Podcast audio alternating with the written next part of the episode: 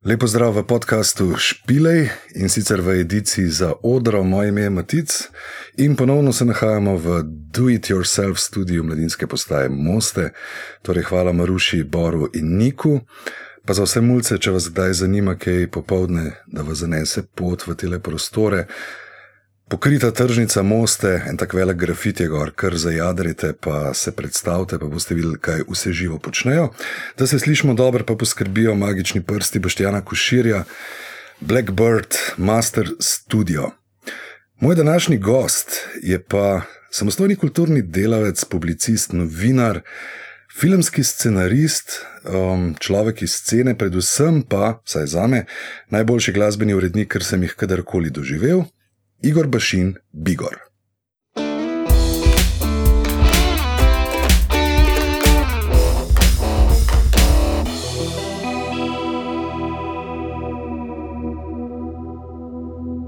Živa. Zdravo, zdravo. Zdravo. Veš, kaj imamo eno, mislim, jaz sem zelo srečen, da smo se ujeli. Trije razlogi so. Eno je bilo to, da, ja, to zdaj že skoraj vsem povem, ampak dolg časa si bil na seznamu gostov. No, za, bo, danes bo kljukca. Danes bo kljukca in to v povezavi s to drugo zadevo je to, da boš ti naravno k nam uh, pil te posnetke, že teži udar, pa zakaj bi gore ne povabiš. No, in to se je zdaj uresničil. Pa še ena fora je ravno iz. Um, To je prišlo do tega, da prejšnji gost je bil ravno Jacuzzi Kralj, uh mhm. -huh. kjer sem imel osnovo intervju, ki si ga ti kot novinar za novo musko z njim delal sedem let nazaj. Mislim, zdaj... da, da je bilo za odzven. Mislim, da je sicer ampak je objavljen tudi na spletni strani. Celo to. No, ja. Ampak je z 2015 in to mi je bilo osnova. Jaz sem takrat napovedal, evo, vidiš, jacuzzi, naslednji gost bo Bigor. Pa nismo za Jinxala, ker se mi je že kdaj zgodil, da je pol se to ni zgodil, tako da to se je zdaj zgodil. Ok, imamo eno nevarnost, poznava se skoraj 30 let in kadar debatirava, greva lahko zelo daleč in ne vem kam. Tako da ne bi preveč po zgodovini brskala. Dobro. Bi pa vsem te rad nekako predstavil, tistim, ki te ne poznajo, jaz sem eno parabolo si v glavi naredil. Um, ne vem, če se s tem strinjaš, ampak pred leti, že zdavne, jaz mislim, da si bil prvi človek na tej neki underground sceni, ki si v sodobnem marketinškem jeziku bi se rekel, da si delal brand, da si delal svojo znamko. To ti bom pojasnil in sicer alias tvoj Garbage Man, Garbage Rock kot oddaja radijska ti kot vrtilec plošč, DJ in skupaj z Vivo, organizator koncertov. Se mi zdi, da si nekako takrat pletel prvič na tej sceni eno tako znamko, ki je nekaj časa bila, bom rekel, v tej podzemni sceni precej uspešna. Potem pa moram reči, da sem te malo zgubil. Uh, in zdaj, če nekdo vtipka pač tvoje ime in primek, se pač krven vrže, recimo iz baze slovenskih filmov, predvsem kot scenarist. Um, skupaj spet z Vivo, tvoja partnerka, v bistvu vsaj tri dokumentarci glasbene narave, torej Pankrti, Buldožer in Lajbah, pa zdaj na zadnje ena dosta težka koprodukcija. Se mi zdi, da je težka, no, mednarodna koprodukcija za film, dokumentarc za žica. Tako je. Tako, to me zanima, kako si iz tega nekak človek zelo v sceni, zelo v glasbeni sceni, pa potem vstal. Še vedno povezan, ampak si pa kar nekaj v ta filmski jezik. Ali ti je to lažje? Oh. Takole, zdaj, kar se tiče tega brenda, uh, si naštel ene stvari in pozabila sva, oziroma pozabil si omeniti še eno zadevo. Um, ta brend se je pol iz tega, te radijske oddaje Garbage Rock, ki je bila na RS-u, mislim, da od leta 1994 do leta 2002, zgodil še brend Garbage Productions. Uh mhm. -huh. In to je bila v bistvu pol neka znamka, ki smo v bistvu delali eh, nekaj časa koncerte, in hkrati je Garbage Productions bil tudi moj tandem skupaj z Boštjanom Kačičnikom Kačotom, uh mhm. -huh. ki smo snemali v bistvu bende na RS-u, na Radio Student. Uh, recimo single od Diki Bihardi, še v starem studiu v, osmi, uh, v kleti 8. bloka, potem ko se je pa RS preselil v uh, eh, 14. blok, v 7. Uh, in 6. štuk, 7. je tam velik produkcijski studio, smo tam posneli tudi kar nekaj zadev, ne vem, Ritten Thief single, pa Disco Kings, pa kaj še bilo. Uh, pa je bil en zelo zanimiv uh, band slovensko-angliško-ameriške narave, The Filth, če The se spomniš, ja. ki je en tak folk rock. Uh mhm. -huh. Disco Kingston, pa Pulz, uh, pa v glavnem še par takih zadev. Ja, in takrat sem jaz res padel v te, uh, te finte, uh, ampak mislim, da to ni bilo neki preveč premišljeno, kot se je samo nakladalo. Nakladalo pa na tak način. Uh, pač želja je bila, ko sem prišel leta 89 v uh, Ljubljano delati na Radio Student, sem začel pač delati skozi 90 leta, rado glasbeni urednik. Uh, zadržal sicer svojo veliko željo, da bi imel oddajo, zaradi tega, ker takrat v 90-ih nismo bili uh, tako samopašni, da smo takoj šli na oddajo, ampak smo imeli neko straho spoštovanje do avtorskih oddaj. Uh, no, pol pride do te oddaje. Uh, do koncertne produkcije, mislim, da so takrat z Vivo naredili enih 25 koncertov, se je pa zgodilo čisto slučajno. Enkrat smo se usedli namreč v en uh, avto, z nami sta bila še Leon Rolih Pompi iz MKNŽ v Veljerski Bistrci in novinarski kolega iz Zagreba, Dražen uh, Valetič. Uh, ali Valentič, Valentič. Uh, in uh, smo šli na dvodnevno seanso na Dunaj, kjer smo med drugim šli na koncert benda Mule in Unsane in uh, delali intervjuje. In s temi Mule je nekako preskočila iskra, zato smo bili strašni fani tega benda, da smo se ga potem pošteno podružili, mal pregloboko pogledali in se zjutraj zbudili z naslovom in kontaktom, da naslednjič, ko bojo Mule na evropski turnaji, pridejo tudi k nam. In pol se je torej zgodilo. Kljub smo imeli, to je bil uh, MKNŽ Ilirska Bistrica, z Vivo smo nekako skoordinirali s Pompijem. Bend je prišel in na dan koncerta v Ilirski Bistrici zvečer so nam povedali še en detajl, da jutri imajo koncert na Dunaju, ampak zaradi tega, ker se je Pivi Long, Preston, prijatelj, na zadnje, ki je bil na Dunaju, takrat, ko smo ga mi malo pregloboko pogledali, spopadel s taksisti. Uh, da se bi znalo zgoditi, da bi ga v bistvu na meji uklenili uh, ali ne vem, neko kazen plačal ali ne vem kaj, in da bojo oni rajši kot le ostali, in potem se je zgodil tako rekoč ne napovedani še koncert uh, v tem le uh, B51 v Ljubljani na Gerbičevi, to je bil v bunker. In iz tega koncerta je v bistvu zrasla čist ena kombinacija, namreč z agentom Johnnyjem z agencije CNL da je on začel nama ponujati koncerte. In mi dva smo v bistvu zvivo takrat prišli do zaključka, da zakaj bi mi morali, ker smo takrat zelo dosti hodili na Dunaj, v München, uh, Graz, uh, v Italijo na koncerte, zakaj bi mi morali hoditi na koncerte v tujino, če lahko mi te koncerte pripeljemo sem. In so začela delati koncerte in recimo med koncerti, ki so jih delala, recimo, valjda sem najbolj ponosen na The, The John Spencer Blues Explosion, ki je bil recimo eden med zadnjimi, uh, ki smo jih delali, potem recimo Sliter Kini. Zakaj ta bend omenjam? Zaradi tega, ker uh, to je šlo za uh, ženski uh, rock trio, uh, ki je v bistvu ima te svoje korenine pri tem GLR-ju, gibanju, v bistvu zelo feminističen bend. In uh, omenjam ga tudi zaradi tega, ker to je bila ena tako smešna uh, izkušnja. Namreč uh, delali smo koncert v okviru mesta žensk in to v Mačo klubu Ortobaru. Tako da je bila ena taka. No, ampak v glavnem iz teh vseh zgodb je prišla ta moja srčna želja, ja, zdaj bi pa jaz izdajal plate.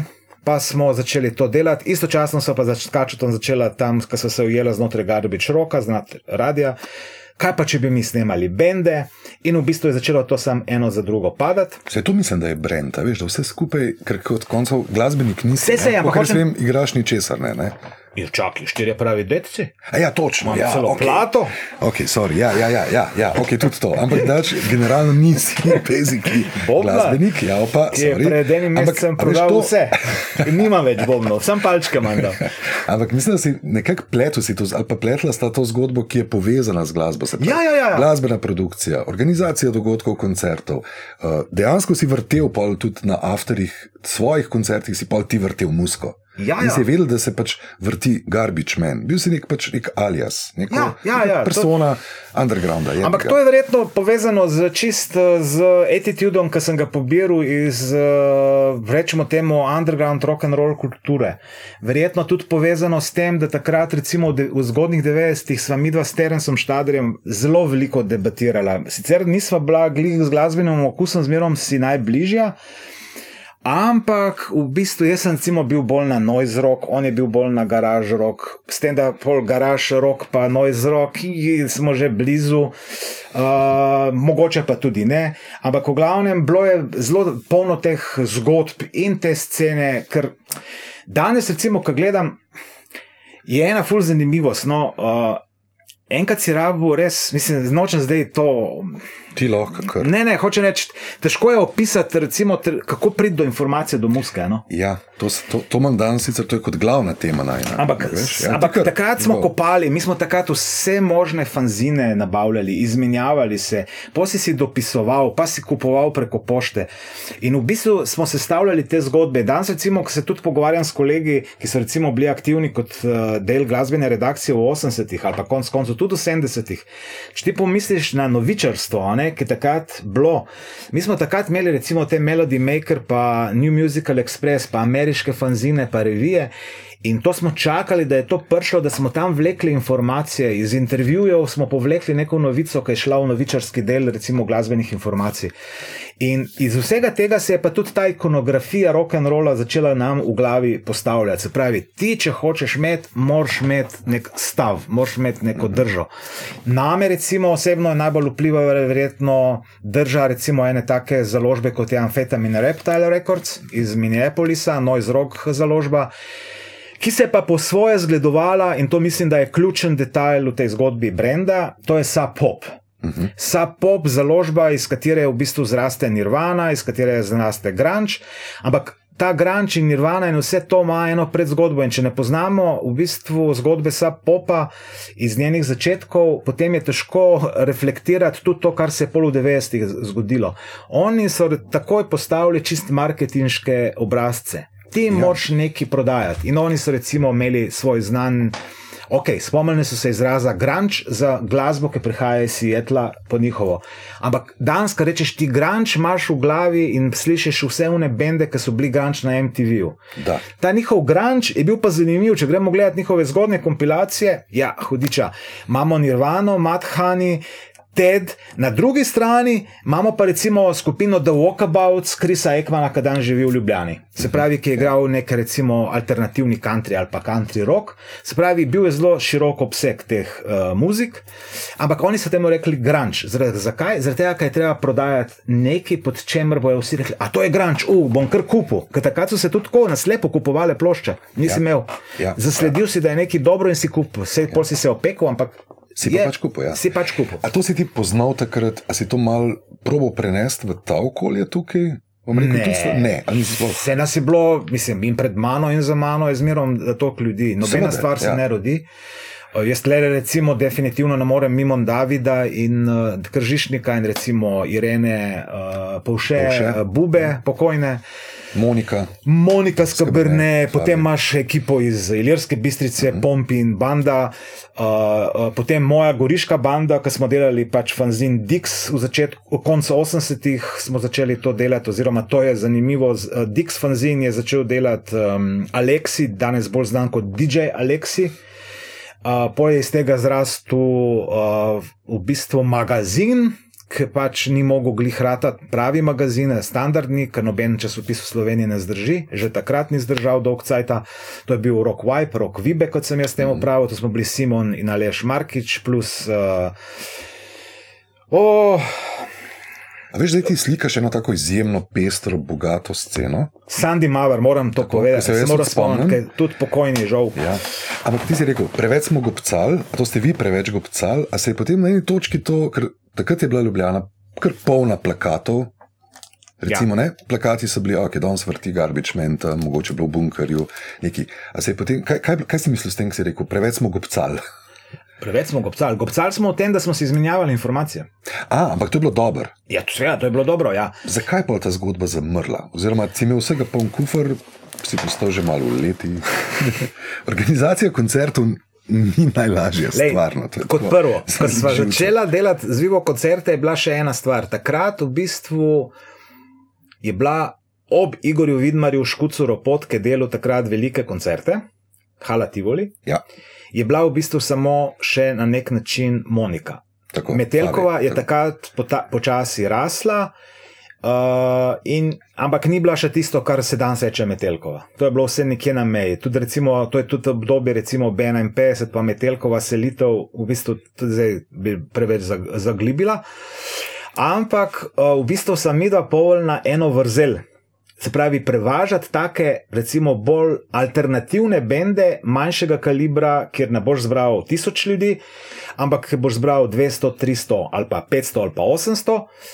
Recimo, Kar je zdaj za, za ta cajt velika cifra, kar si zdaj rekel. Uh, ja, ampak 800 veš, ljudi bi si sanjali. Zdaj. Mislim, okay, ja, recimo, 800 je bil maksimum. Tudi, ja, ja. Okay, Rocket from the Crypt na novem roku leta 97. 97. Ja, ja.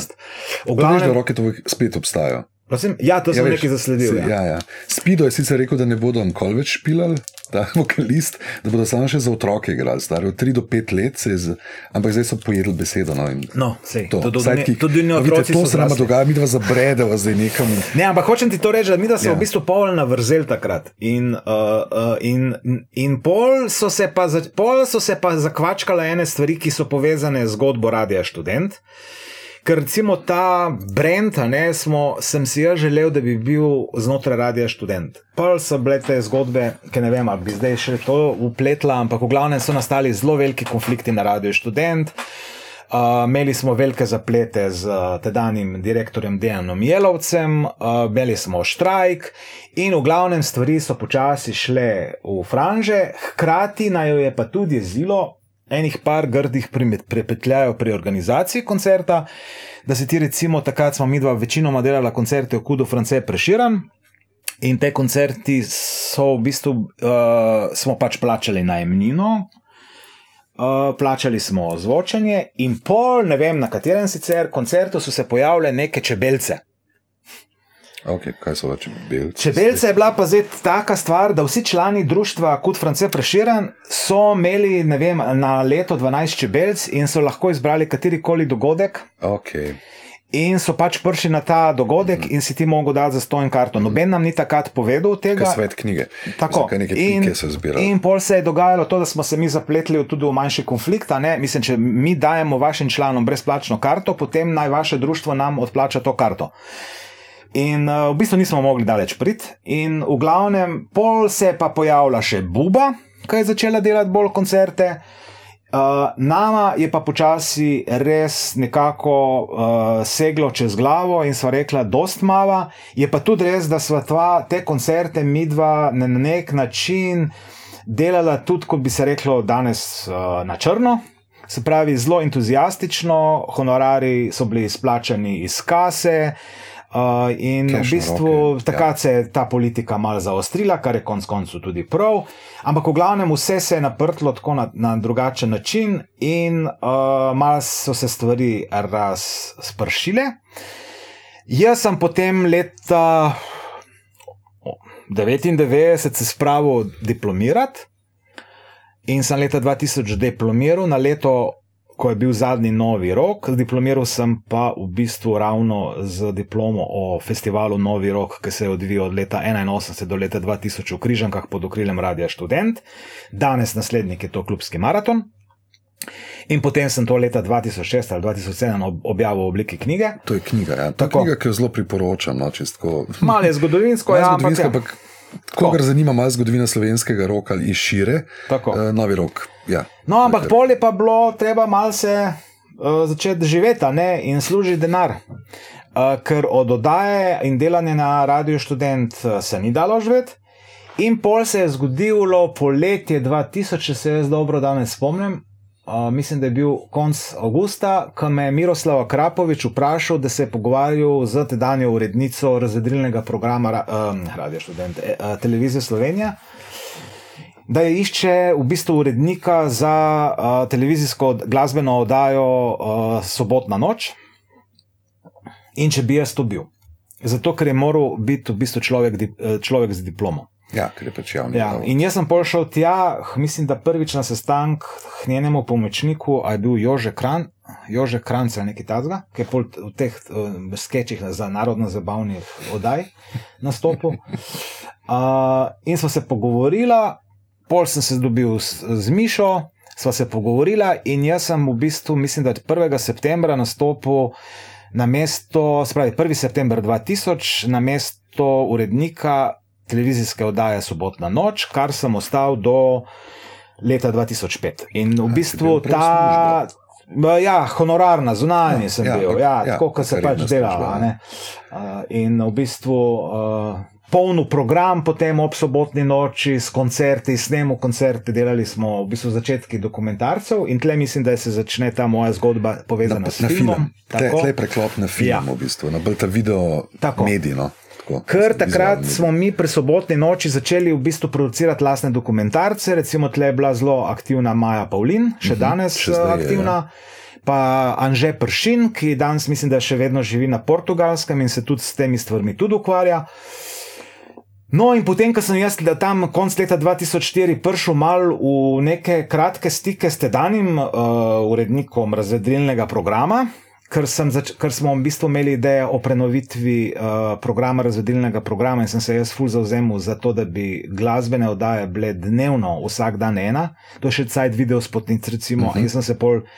Video spotnice so pač drugi vodili, jaz sem delal v sobotno noč, ampak jaz sem pol začel tam neki zvanjo, pa zmajo, kako bi bilo fajn imeti en dan dokumentarca, en dan koncert, en dan informativno oddajo, en dan lastno produkcijo in sem tam delal neke plane, ampak v glavnem nismo mogli priti skupaj. In en dan mi je počel film. In sem si vzel uh, film, je pa počel zaradi tega, ker so v bistvu. To je zanimivo, recimo, ker se danes o RTV-u pogovarjamo. Jaz namreč vidim lih v tem letu začetek vsega uh, propadanja tega RTV-ja. Tu govorijo tam 2-5. 2-5. Okay. Namreč Vanja Vardjan je takrat imel neke strašne ideje in v bistvu je prišel enkrat ven z neko idejo, da bi bilo fajn narediti informativno oddajo, ki bi izgledala tako kot Jukebox. Jukebox je slavna jugoslovanska rock revija. Da. Mi smo ga debelo gledali, zato, ker smo nekaj tajnega že v sobotni noči delali.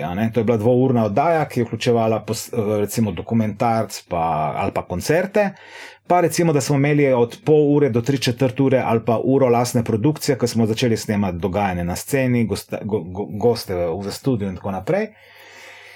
In uh, smo rekli, ok, kot je Jubox, in sva pol Maja sestavljala in sva sestavljala en načrt, ki ga je kasneje Maja realizirala pod imenom Aritmija. Uhum. Ampak kje se je pa meni zakvačkalo, je bilo pa takrat, ko je prišel urednik z neko uh, Vanja Vardjan, strašno idejo da bi v bistvu naredili pri tej oddaji dva urednika. En bi bil jaz, ki je bil vsebinski, Maja je bila pa vizualni urednik. Okay. Jaz te kombinacije sicer eh, nisem najbolj štekel, zato ker ta vizualni urednik, po mojem mnenju, je to režiser oddaje. Ampak ajde. Ampak drug problem, ki nastane pri tej delitvi, ne, je to, da sem čist jasno povedal.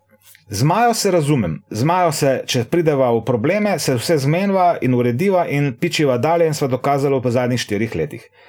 Ampak v tem primeru bom jaz neki zašuštru in bom prevalil odgovornost na Majo in bom rekel, ona je kriva. Vizualno je zajebala. Ja, kje bo, kdo bo potem odgovoren, sem rekel.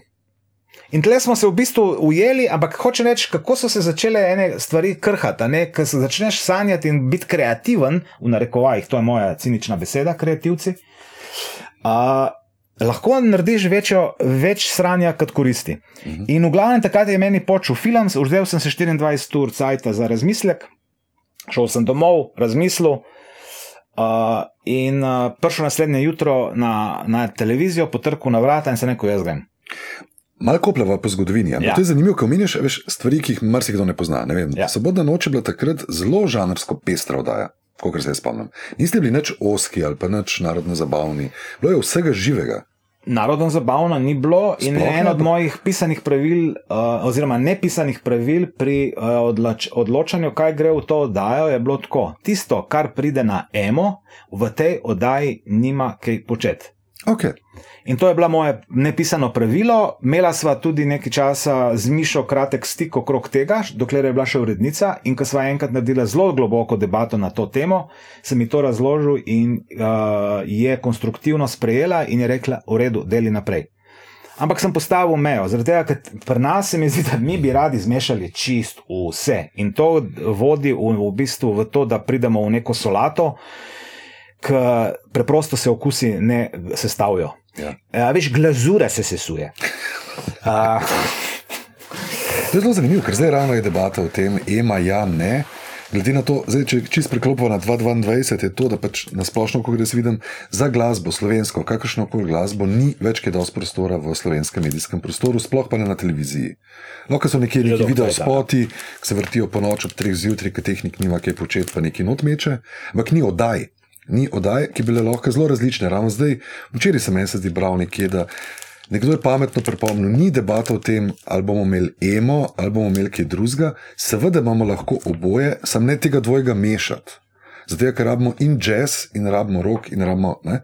Ampak zdaj se mi zdi, da je to, če je tam koren tega problema, ko je tudi nacionalka šla v neke v franže, potem je to zelo stara zgodba. Zelo stara zgodba. Ja. To, to ma, ma, mislim, to ni.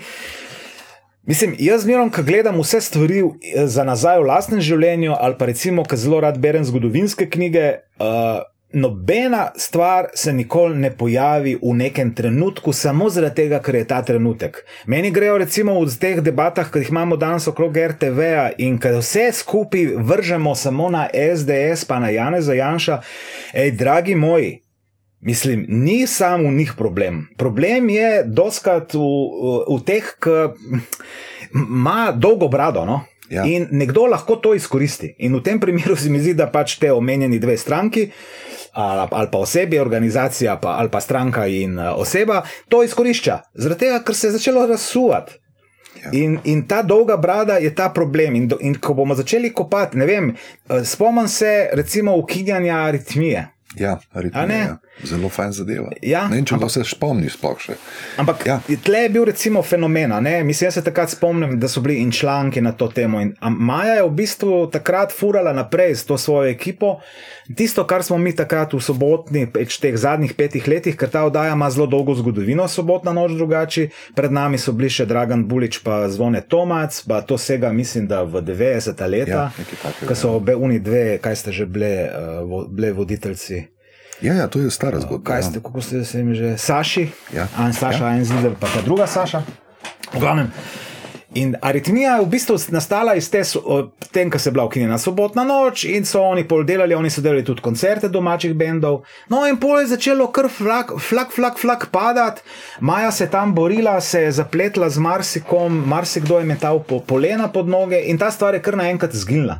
Ja. Pol se je enkrat spet vrnila. In to je bilo nek, kot da si na hodniku, halo, tako se programa ne dela. Jaz se nikoli ne bom pozabil primera, ko sem bil urednik na televiziji, ki me je enkrat klical k sebi, k sebi v pisarno Marko Prpič, ki mislim, da je bil takrat uh, ali svetoval, svetovalec generalnega direktorja. Tako. Ja. In za ene pet ur sedela ki je Marko meni dopovedoval svoje, jaz sem zastopil svoje ideje, ampak danes, ko gledam na ta pogovor, jaz sem takrat mal se čutil tako mal napadenga.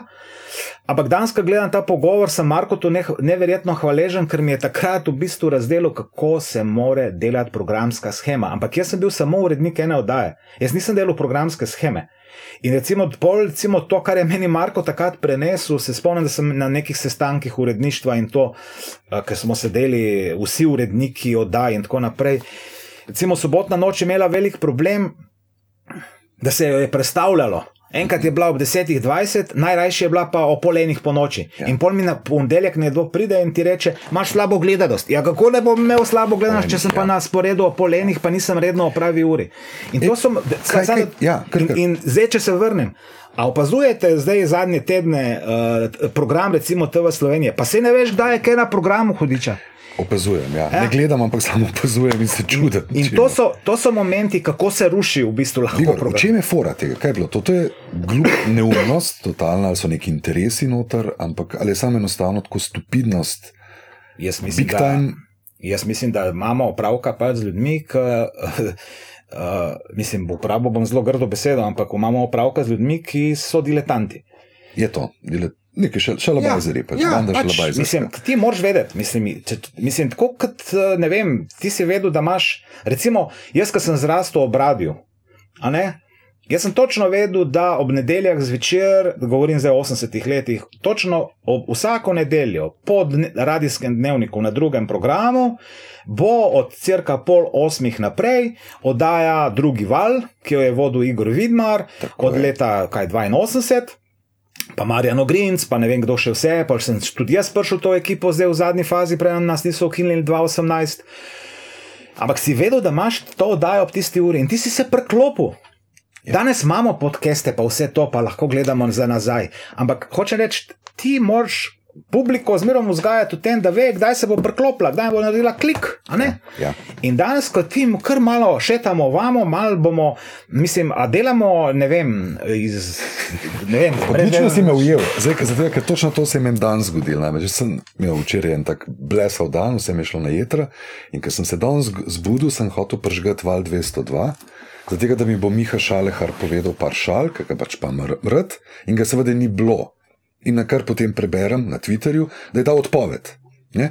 Se pravi, toplovodar, ne glede na to, kaj si ti misliš, ampak meni je Miha kul, cool, jaz sem ga rad poslušal in je pač, se pravi, to je zginil nekaj, ker je bilo meni torkova še vedno neke vrste, a pa vem. Ja, razumem. A veš, ja, eh, jaz sem tudi, seveda, pač toliko smo oba dva stara, da pa sem teh nekih slotov, ko bi pričakoval ob osmih nekaj in bi rad pričakoval, no, ta zmešnjava mi gre pač na jedra. Ja. In se mi pa, ne vem, sem paranoik, ampak se mi zdi, da pa še vedno je pa kar več poante na tem izločati stvari, ki so malce bolj alternativne.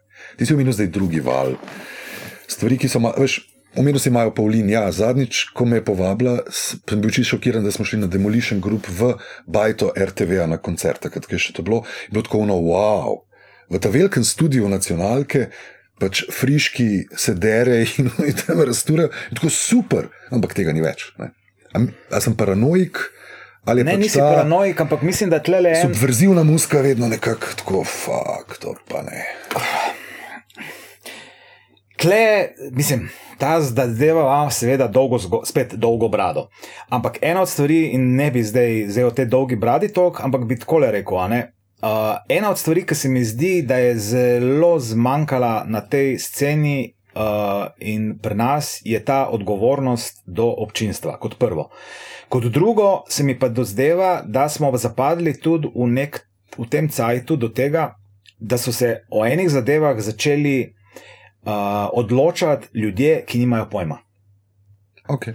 In recimo, danes doskrat slišim strokovnjaki. Mislim, hudiča, če imamo strokovnjaka za vse mogoče področja, bi morali biti strokovnjaki tudi za popularno glasbo. Da. Te strokovnjaki za popularno glasbo so lahko še ne vem, kakšni fani enega določenega stila, ker to je recimo bilo meni doskrat očitano, da je pa ne vem, tam neko obrobnež, pa ne vem kaj. Ja, ampak meni recimo delo na televiziji takrat marsikaj, recimo že radio študent me je kot urednika naučil biti toleranten do drugih glasb, hkrati spoznavati. Recimo nedavno sem delal intervju z Bogdanom Benigarjem, je eno zelo pametno prijavo, recimo, ko sem ga nekaj spraševal o njegovi karieri glasbenega urednika.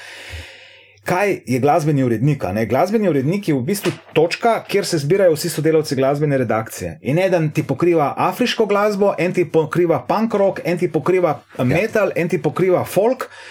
In ti kot urednik vse to združuješ. In ti dobivaš vse tekste in to k sebi. Se pravi, greš skozi to. Halo, veste, kako učenje je to? Ja. Aboriginski, p- recimo, eh, eh, pregovor, ki sem ga nedavno prebral in mi je blazno všeč, pravi, da največ se naučiš takrat, ko učiš. Zakaj pa zdaj to govorim? Zato, ker jaz sem takrat bil tudi v vlogi na RS-u, pa konec koncev tudi na televiziji, v vlogi tega, da sem recimo mlajše sodelavce imel okrog sebe in si jih mogel nekako učiti tega, kaj mi tle počnemo in jih malo usmerjati. ne. In vse to je ta, ta glasbeni urednik.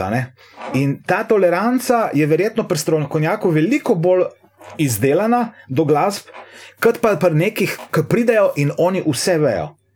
In kar naenkrat neke muzike ratajo problematične, in to zdaj o tem govori človek, ki nima pojma, ki ne zna. To je, kar sem te napovedal, ne, zakaj si ti za me pač malo mal hvale. Ampak zakaj si za me tako dober glasbeni urednik bil, sta dva razloga. Eden je bil v tem, da ne glede na to, da nisva starostno tako različna, sam si imel, ko sem jaz prišel na radio, pač ti malo več izkušenj, da si bil izjemno toleranten, ne glede na svoj oseben okus. Ampak strok. Strok, no to je pa druga stvar, bil si zelo strok, ampak strok na pravičen način. Ne? Ravno dan si že večkrat rekel, dolga brada. Ne? Vedno si gledal skozi nek zgodovinski okvir, ker nobena stvar ni nastala kar tako. Pa zdaj, če govorimo o rock'n'rollu, roku, nič ni nastalo kar tako, vedno je neka predzgodba, noben je nič pravzaprav čisti zumu, Mogoče on ta prvi, ki je igral na neko piščalko. Tudi to ne bo. Ja, tudi oni. Ne? Ampak tako, ta, se pravi, da si nam ta zgodovinski ukvir, ki se mi zdi, da se v tem cajtu izjemno zgublja. Vse je, kdaj je nastal leta 2015, prej je bilo Blank. Uh, in bila je ta neka taka širina, ne? ker mislim, da nikoli nisi, nisi gledal na to v svojem osebnem okusu.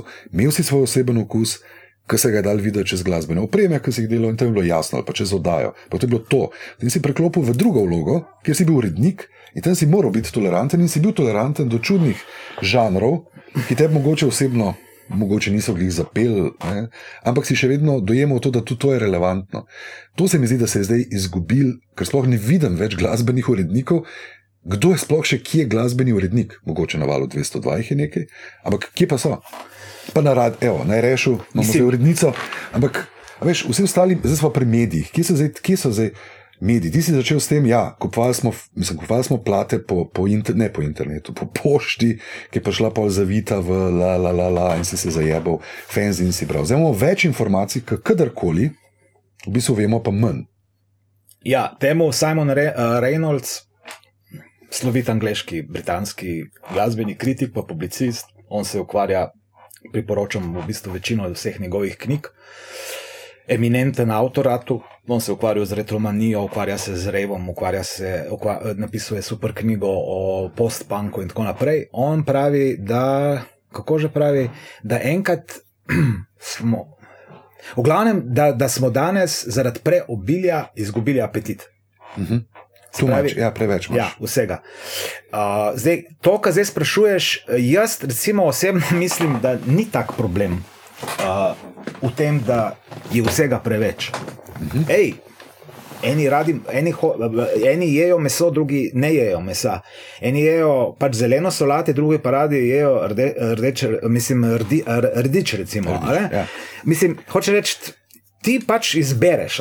Zdaj, glasbeni urednik kot tak mislim, da je to vse splošen problem urednikov vseh, na vseh polih.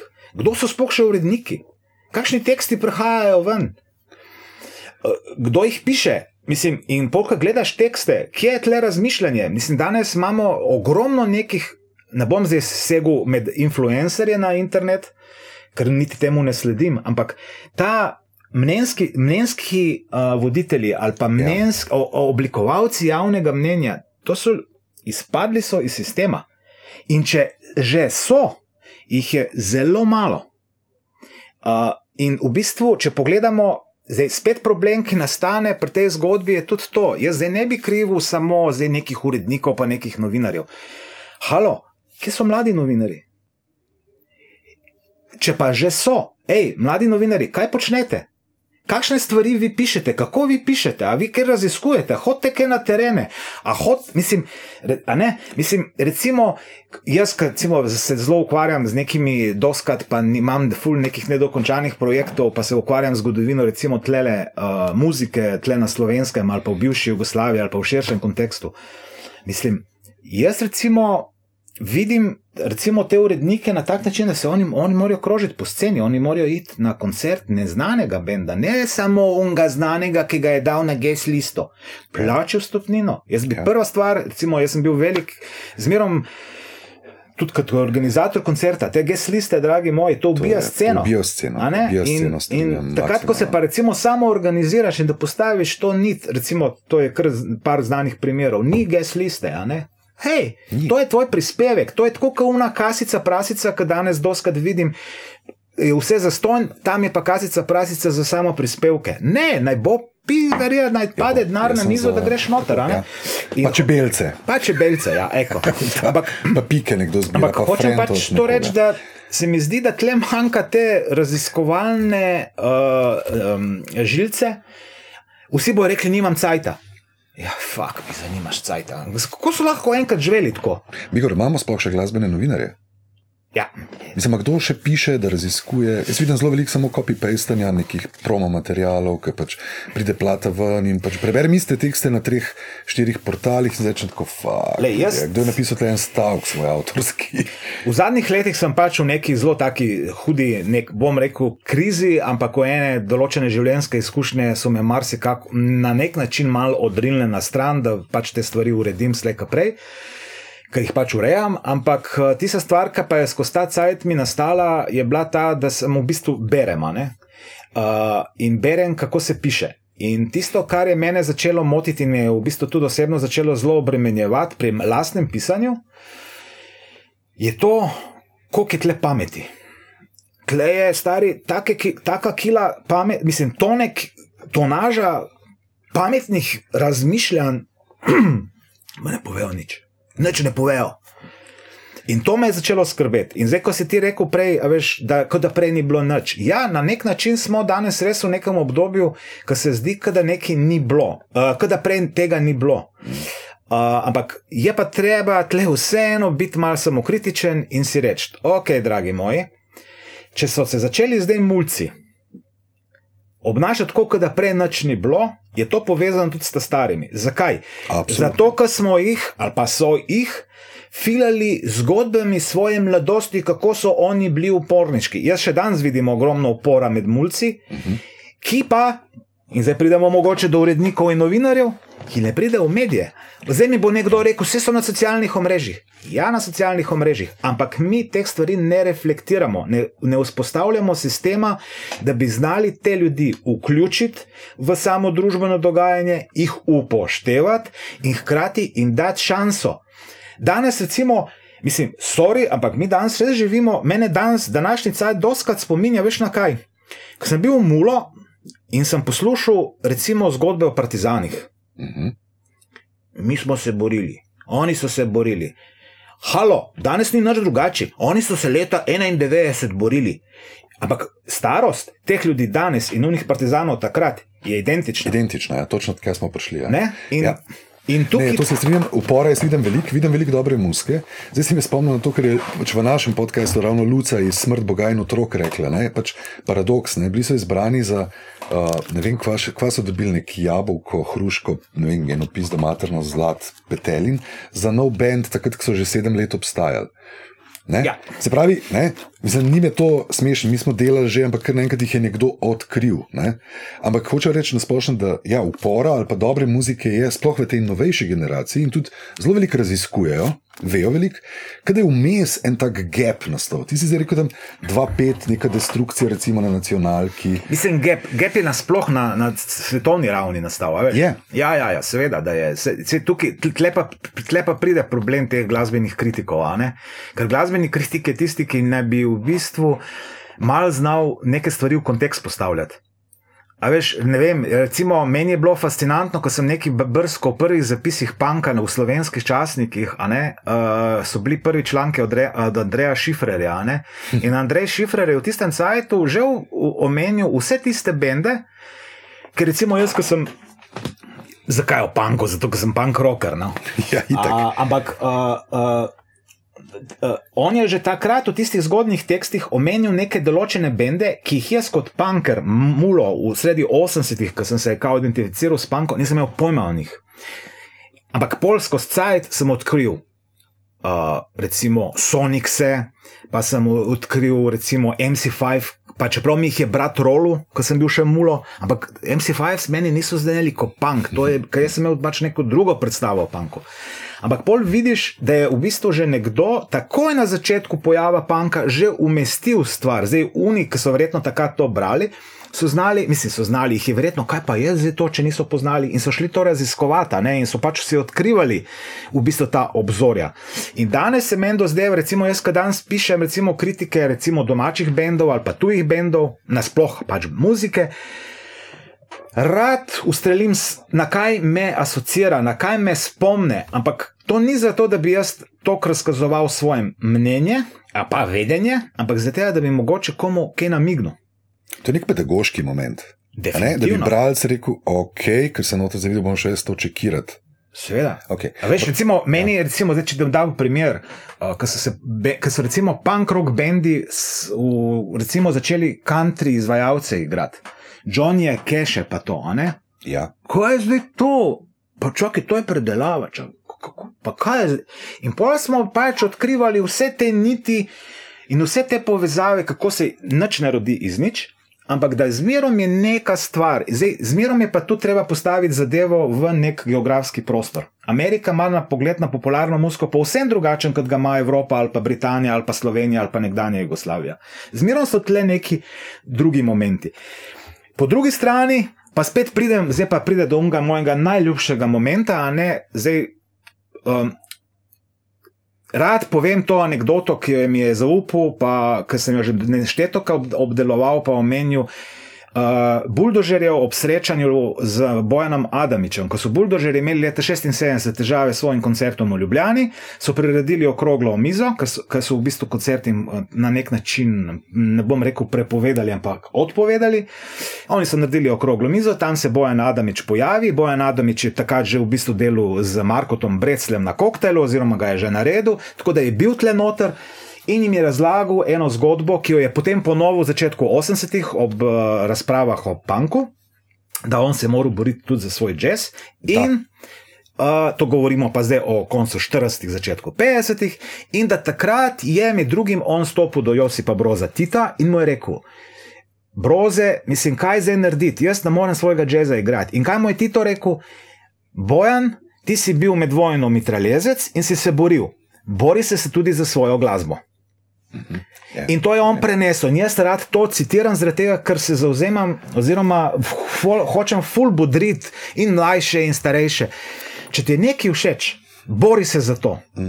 S tem, da ko se boš boril za to, boš pa naletel tudi na en problem, ki ga je zmerom se ponavlja. Namreč to, ko je bil recimo obdobje panka na radiju študent velja, je veljalo, da je bil sam punk. Dajte, pojmo gledati arhive, pa bomo ugotovili, da je bilo marsikaj drugega. Lahko se pa zmerom neka struja vzpostavi, ki je najmočnejša.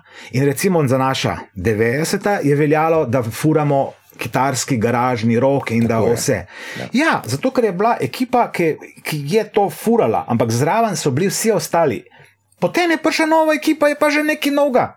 Danes bi lahko sorry, ampak recimo na rešu vidim tudi neko zelo močno strujo, ki fura pač nek sodoben zvok.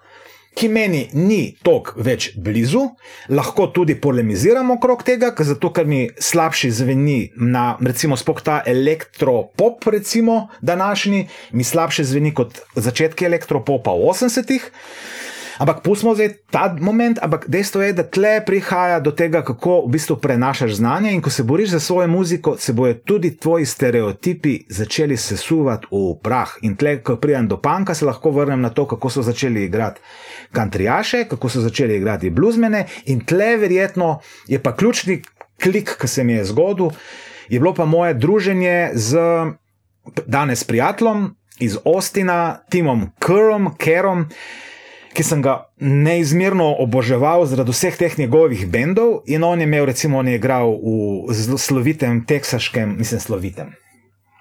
Underground slovitem, uh, hardcore uh, punk bendu Big Boys, ki so bili skupaj z še enim bendom Dix, v katerih je pel še en prijatelj, Gary Floyd. Pol je pa ono nek funk padel, pa mi, ko sem to odkril, jaz pa kako je ta, ta model padel pa v funk. Pokr naenkrat je pa naredil band Poison 13, kjer je bil v bistvu eden takih začetnikov punk bluza, kot smo mu rekli, ali pa blues punka, ki so že igrali, punk band ti igra Willija Dixona, mislim, what? In ja.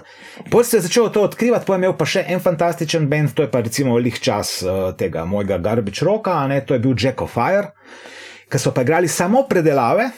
Ampak ne na način, kot jih igrajo dan imitatori. Da bomo pa mi Hendriksa igrali, pa ga, bogega Hendriksa igrajo na 25 efektov, na mesto sam, pač tako kot je Hendriks igral, ne? se pravi, brez. uh, oni so v bistvu blues in country komade, ali pa tudi še kaj drugega, v bistvu preoblikovali v en tak garažni punk rock in to je meni odpiralo. Jaz sem pol tiste plate, imam še danes, to so bili taki desetinčeri. Vse bende zvedu, pol so prišli te moji mul, pa oni so nek blues, pa vsi so mi nekaj govorili. In pol jaz leta 2000 grem v Ameriko in sem pri Timu in vidim njegovo kolekcijo in Tim mi začne o Sunraju razlagati in, in mislim, v jazz padem, on pol naredi Lord High Fixers, ko so bliže jazz, uh, free jazz punk band doživel sem celo njihov poslovilni koncert v Ostinu in potem sem rekel, fuck. Muzika je prepletena med sabo, bolj kot si mi lahko mislimo. In v trenutku, ko začnemo postavljati pregrade, sami sebi škodujemo. Ne škodujemo toliko uh, samemu razvoju muske, ker muzika se bo razvijala, zato ker bojo zmerom prišli modeli ven, ki nas bojo ošamarili do konca. Ampak pol vidiš, koliko si ti zabit v glavi. Ampak, kaj poznaš toliko teh tujcev, ki so v bistvu res neke legende na čist underground sceni? Verjeten mrsik, kdo sploh ne pozna teh imen in primkov. Ampak ti tipi v bistvu rinejo že po 30-40 let. Si rekel, prej ta anekdota je dobra z Adamičem, ne? pač fajtati se moraš za to musko. Je mogoče keč tudi v tem, da nekateri pri nas pričakujejo neke vrste uspeh, ki jim bo, ne vem, olajšal celo pot in ti kar enkrat odprl neka vrata nebes, ne vem kaj. V resnici se moraš pa za tisto, kar delaš, pač zelo fajtati. In nikamor prav delač ne boš prišel. Lej. Mislim, tako, prišel, mislim, lahko da ne boš prav delač prišel, ampak delaš to še vedno. En moment, ki ga ne gre spregledati v slovenskem prostoru, je definitivno ta, demo temu reči, profesionalna, komercialna drža, ki je v ta prostor na nek način upeljala Sidarta. Okay. Sidarta je bila bend, ki je, v bistvu, je bil bend, uh, ki je prpel. Prenesla sem neko novo logiko. Ne? Oni so recimo na začetku avtobuse, frendov, pa fenov vozili sabo na koncerte in vzpostavljali so okrog sebe eno zelo veliko famo. To je, po mojem mnenju, do, v dobršni meri tudi posledica še tedanjega vpliva MTV-ja. In takrat je bilo kaj? Recimo, uh, takrat je MTV furo neko svojo alternativo, ki v osnovi ni bila sploh prava alternativa, ampak je bila komercialna alternativa.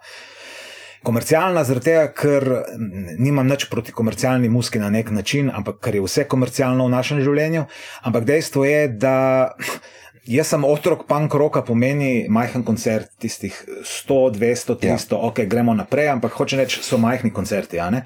Tle se pa že pogovarjamo o koncertih za 10.000 ljudi. Vem, ta del, ne, ta, ta vidik tega, ko nekdo rata malo bolj zvezda ali kaj. Zdaj to je to Iggy Pop v, v tem. Ja, sem pogledal Iggy Popa, kako on preko, pre, pre, prehodi. Prehodu, ne, ja, do, do, do, še danes, mislim, okay, ne bom jih rekel zdaj, ampak še, verjam, še zdaj verjamem, no, da če se zdaj pojavi na odru, bo pokazal veliko več karizme in energije ja. na odru kot marsikdo. Okay, se pravi, ta vpliv tega, se pravi, neke bolj, mal bolj umazane muzike, ki ni bila čist spoliran pop, MTV je vrtel to. Tako.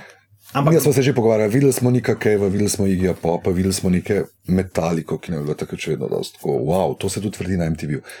Delaš neko analogijo z recimo pojavom Sidarte pri nas. Ja, ampak govorim pa zdaj o tem, da skočimo na to slavo. Ja. Oni, oni so res postavili dober cilj in so ga dosegli.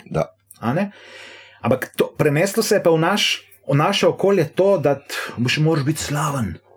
Ampak vse smo, živimo v svetu celebritisov, pa ne vem koga, ne? sami zvezdniki, da ne bomo danes začeli še o influencerjih, pa ne vem, kaj ti bo prišlo. Ne, ne, ne, ampak ja. hoče reči, v bistvu ta slava je v marsi ka, na kakšen način mlajšim, ki so prihajali, ki jih je zanimalo to, jim je ubilo v glavo to, da morajo biti slavni. In zdaj, veš, danes si slaven zaradi tega, ker ne vem, mislim, ne bom nobenega ekscesa tle zdaj omenil, ampak zato, ker neko neumnost narediš. To je halo. Zaradi takih stvari ne moreš biti slaven. Ne? Zdaj, pri bendih je pa spet ta problem, ker v bistvu hočejo nekam priti. Jaz doskrat, ko gledam, ko sem prej omenil to svojo distinkcijo, v sobotno noč ne more vstopiti stvar, ki je na emi. Jaz sem s tem naredil mejo. Zato, ker tja na emo so hodili tisti, ki so hoteli biti popularni v Sloveniji, ki so hoteli imeti komercialen uspeh. In še zdaj je tako. tako. Ampak v sobotni noči smo pa omogočili ostale, da grejo naprej in da se predstavijo, če bojo naredili kariero in da bojo uspešni, toliko boljši.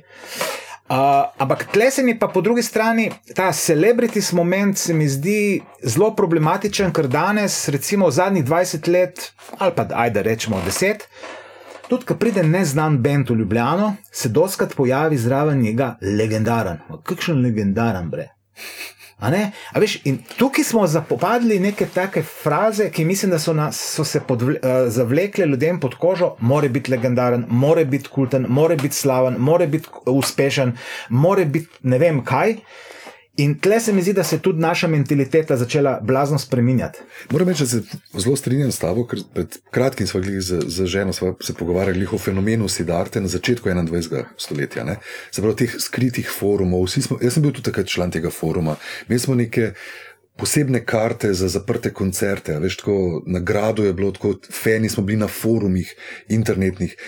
In če naredim zdaj to, da sem pred kratkim bil ravno v backstageu za odrom Sidarte in sem videl to, kaj pomeni to res, da si res velik bend za Slovenijo.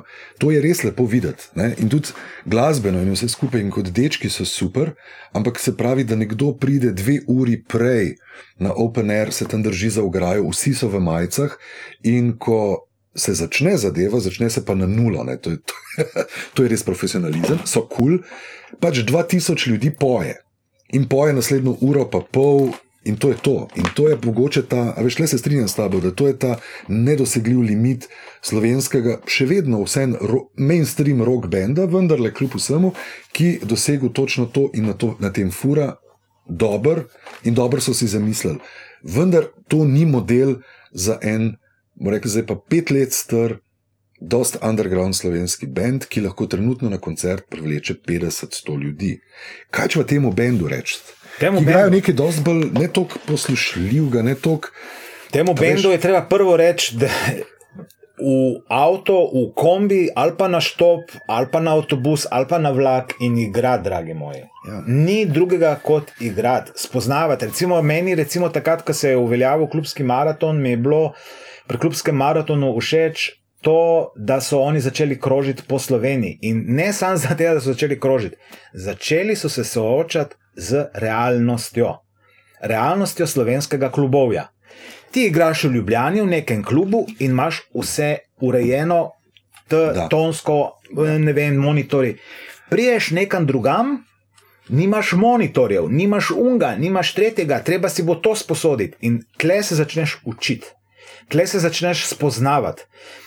Manjkajo čevalci, uh, koga poznamo iz unga kraja, uh, a poznaš koga iz unga, ki bi bil pripravljen posoditi. In tako se začnejo tudi druženja med bendi in med ustvarjalci. Mislim, nočem nič poveličevati, ampak dejstvo je, da vsaka scena se zgradi samo na tak način, da se bendi krožijo okrog, da si pomagajo da drug drugemu ri, ri, rihtajajo špile, pa ne govorim samo znotraj Slovenije, ampak tudi za njenimi mejami, da pišejo recimo kakšnemu svojemu bendu, ki se jim zdi, da jim je podoben. Zdaj ne govorim o tem, da morajo pisati slavnemu bendu.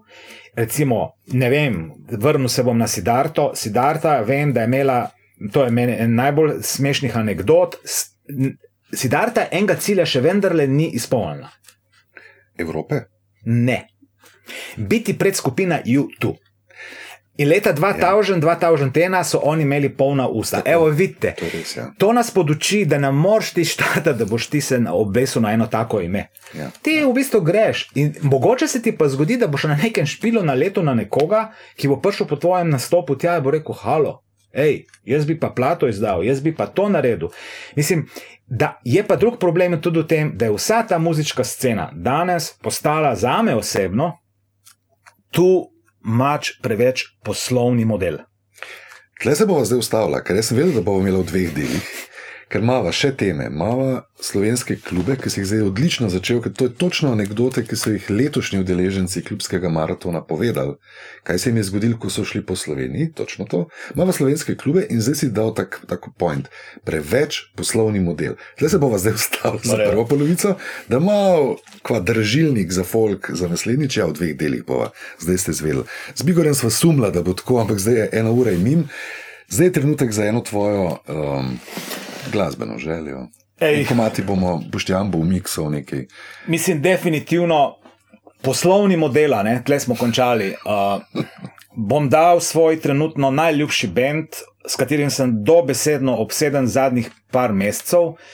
Tudi zaradi uh, vse pizdarije, ki se dogaja uh, v Ukrajini, in vse pizdarije, ki se dogaja v Rusiji, sami zelo sledim, kaj se tam dogaja. Uh, Uh, kot tak bom povedal samo to, da sem proti vojni, ne me postavljati niti na eno, niti na drugo stran. Naj vas pa mogoče razsvetlijo ruski oziroma peterburški short Paris. Komat? Komat, ha, zdaj pa ne vem, a čemo iti na bolj žalostne ali na bolj udarne. Udarne. Udarne. Ne vem, mislim, to zdaj ne bom ti usiljeval. Uh, dobro, čakaj, sam da, pol, sam da se jaz zdaj spomnim. Viš, viš, kak, uh, ka, viš, to je glasbeni. Uh, k, k, k, k, jaz recimo ne uporabljam uh, teh pametnih naprav, ne, zdaj, ja. bi, zdaj bi lahko izbiral tlere, pa ne morem. Zdaj moram. Ne bo, veš kaj, bova kar vzela, bova kar vzela, aha, vzela bova komat, oh, fuck, uh, mislim, da se mu je, reče ja, jablčni. Oh, ta ni udaren, ta je žalosten. Ta je, je pa žalosten. No, jaz mislim, da je žalosten. žalosten. Treba je žalostnega. Jablčni sad, ki so ga posneli, uh, a to daš tudi video spod zraven? Ne, ne, ne. Mi smo no. samo avto. A ne, ne, ne, ne. pa bomo dali pa drugega. Ta jablčni okay. sad, to je eh, naslov zadnjega albuma, naslovni komat in zdaj se je nedavno, eh, par dni po, par, mesec dni po začetku vojne v Ukrajini, so ga posneli z. Uh, veterani druge svetovne, z zborom, uh, pevskim zborom Zborom. veteranov druge svetovne vojne. Ruskim. Ruskim. Ja. Ludilo ljudje, naježiš se, ko to gledaš. Uh, ampak bomo pa dali, veš kaj, bomo šli kar na tako, kako strukturi. Okay. Kako strukturi, naj bomo našli. Ja, bomo našli. Okay. To je to.